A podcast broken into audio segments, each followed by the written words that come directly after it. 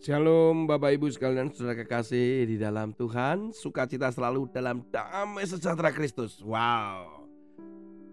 Firman Tuhan hari ini dibaca di dalam Amsal pasal 20 ayat yang ke-11 Anak-anak pun sudah dapat dikenal daripada perbuatannya.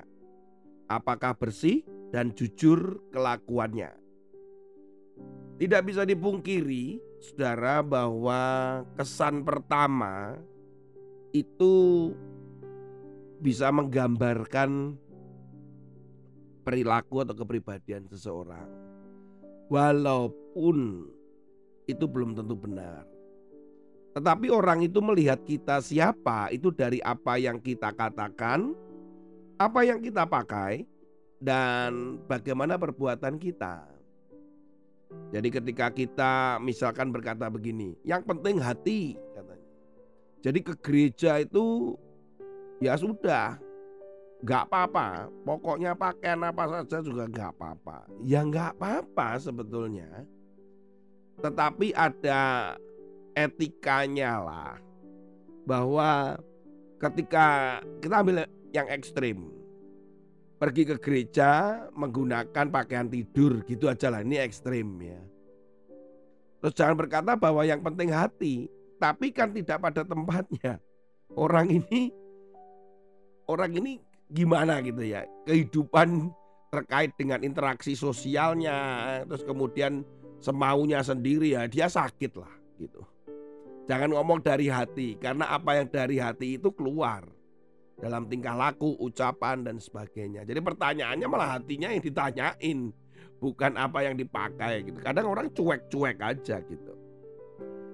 Tetapi ketika kita berada di desa, misalkan orang ke gereja dengan pakaian sederhana, bahkan nggak pakai baju yang bapak-bapak itu karena sangat sederhana sekali, nggak apa-apa, memang tempatnya di desa gitu. Saudara, ada begitu banyak orang mengatakan dirinya dekat dengan Tuhan.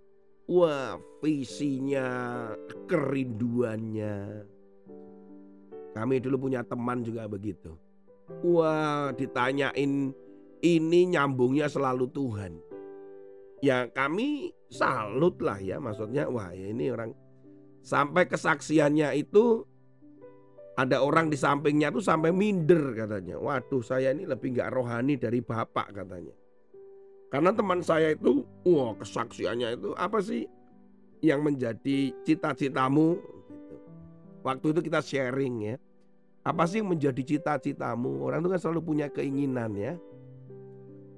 Semua itu ngomong satu-satu ingin ini, ingin itu ya. Di dunia ini kami itu punya ini, bercita-cita itu. Wah, dia cita-citanya lebih keren Saudara. Saya ingin menyenangkan hati Tuhan, dekat dengan Tuhan selalu. Wah, orang yang bersaksi yang lain di sampingnya jadi minder gitu. Sementara kita masih membicarakan apa yang saat kita menginjak bumi ini ya sampai muncullah kata-kata itu waduh berarti saya kurang rohani ya gitu. Ada orang yang di sebelahnya mengatakan demikian. Kemudian saya mencoba untuk menjelaskan ya nggak hari ini loh ini hari ini nih kamu nih pengen apa gitu nggak ada gitu yang jadi pertanyaan saya waktu itu dengan istri saya gini dulu lah kak, nggak pengen tak anaknya sekolah, terus anaknya itu lulus, terus anaknya itu sehat, itu aja lah yang sederhana gitu. Oh ternyata nggak diinginkan, ya makanya hidupnya sepertinya ya ya mengalir aja. Yang penting saya dekat dengan Tuhan gitu, menurut dia. Gitu. Yang secara rohani ya nggak salah-salah amat lah gitu kan itu hal rohani saudara. Tapi maksud dalam sharing hari itu sebenarnya berbicara tentang apa sih yang menjadi cita-citamu? Yang didoakan kemudian apakah itu sesuai dengan kehendak Tuhan? Gitulah sebetulnya sharingnya hari itu. Tapi ternyata dia tetap aja saya tanya begitu tetap aja ngomong ya enggak tetap aku mau menyenangkan hati Tuhan. Orang yang dekat dengan Tuhan mestinya kan sifatnya seperti Tuhan orang yang mencari menyenangkan Tuhan ya mestinya ya dia tahu karakter Yesus gitu. Tetapi omong kosong lah setiap hari ngomong dengerin firman atau apa pun Tapi kalau kelakuannya menjelekkan orang, terus kemudian mengata-ngatakan orang lain keluar sana, ya, omong kosong lah. Jangan bilang bahwa manusia ini ya kami masih lemah, tapi kalau diulang-ulang terus ya saudara, ya orang tahu dari perbuatannya, perkataannya orang tahu apa yang menjadi isi hatimu dan kelakuannya seperti apa. Jadi apa yang dikatakan itu tidak sesuai dengan imannya atau apa yang menjadi perkataannya, keinginannya itu. Karena firman Tuhan di dalam Yakobus pasal yang kedua ini jelas sekali bahwa sebenarnya orang yang mengatakan beriman itu ditunjukkan di dalam perbuatan. Jangan dibalik ya. Jangan dibalik. Kalau dibalik jadi salah.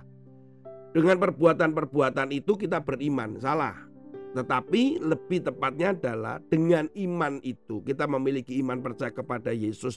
Kita mengatakan kita percaya pada Yesus, kita mengatakan bahwa aku mencintai Yesus. Buktikan itu dengan perbuatan-perbuatan yang nyata. Gitu maksudnya. Dikatakan demikian pasal yang kedua ya dari Yakobus. Dikatakan demikian ayat yang ke-18. Tetapi mungkin ada orang berkata padamu, "Ada iman, dan padaku ada perbuatan." Aku akan menjawab dia, "Tunjukkan kepadaku imanmu itu tanpa perbuatan." Dan aku akan menunjukkan kepadaku imanku dari perbuatan-perbuatanku. Jadi orang bisa menunjukkan imannya itu dengan perbuatan-perbuatannya. Jadi apa yang dilakukan, apa yang dikatakan, bagaimana sikapnya itu menunjukkan imannya. Engkau percaya bahwa hanya ada satu Allah saja itu baik, itu berarti iman ya. Tetapi setan-setan pun juga percaya akan hal itu dan mereka gemetar. Bayangin, kalau cuma iman saja, maksudnya percaya saja kepada Yesus, ya setan pun ya percaya. Setan juga mengatakan engkau adalah anak Allah dan sebagainya kan. Tetapi pertanyaannya adalah apakah perbuatannya menyenangkan Tuhan atau perbuatannya sesuai dengan imannya itu? Nah, pertanyaan begitu. Kemudian dilanjutkan, Hai manusia yang bebal, maukah engkau mengakui sekarang bahwa iman tanpa perbuatan adalah iman yang kosong? Gitu. Jadi sebenarnya iman dan perbuatan ini membuat iman itu menjadi sempurna. Kan dikatakan demikian. Bahwa iman itu dengan perbuatan itu menjadi sempurna. Yakobus pasal 2 ayat yang ke-22. Kamu lihat bahwa iman bekerja sama dengan perbuatan-perbuatan. Dan oleh perbuatan-perbuatan itu iman menjadi sempurna. Jadi apa yang kita lakukan perbuatan kita itu akan kelihatan. Orang lain itu akan tahu iman saudara. Bapak Ibu akan diketahui, oh ini imannya begini. Seberapa kita iman kita matang, seberapa iman kita bertumbuh. Dari apa ya? Perbuatan, dari percakapan kita, dari perilaku kita, dari sikap kita. Orang akan melihat itu, mendengar itu, dan merasakan itu. Jadi jangan ngomong bahwa saudara percaya Yesus tapi wah percaya percaya Yesus. Nah faktanya perbuatan kita bertentangan dengan hal itu. Itu namanya omong kosong.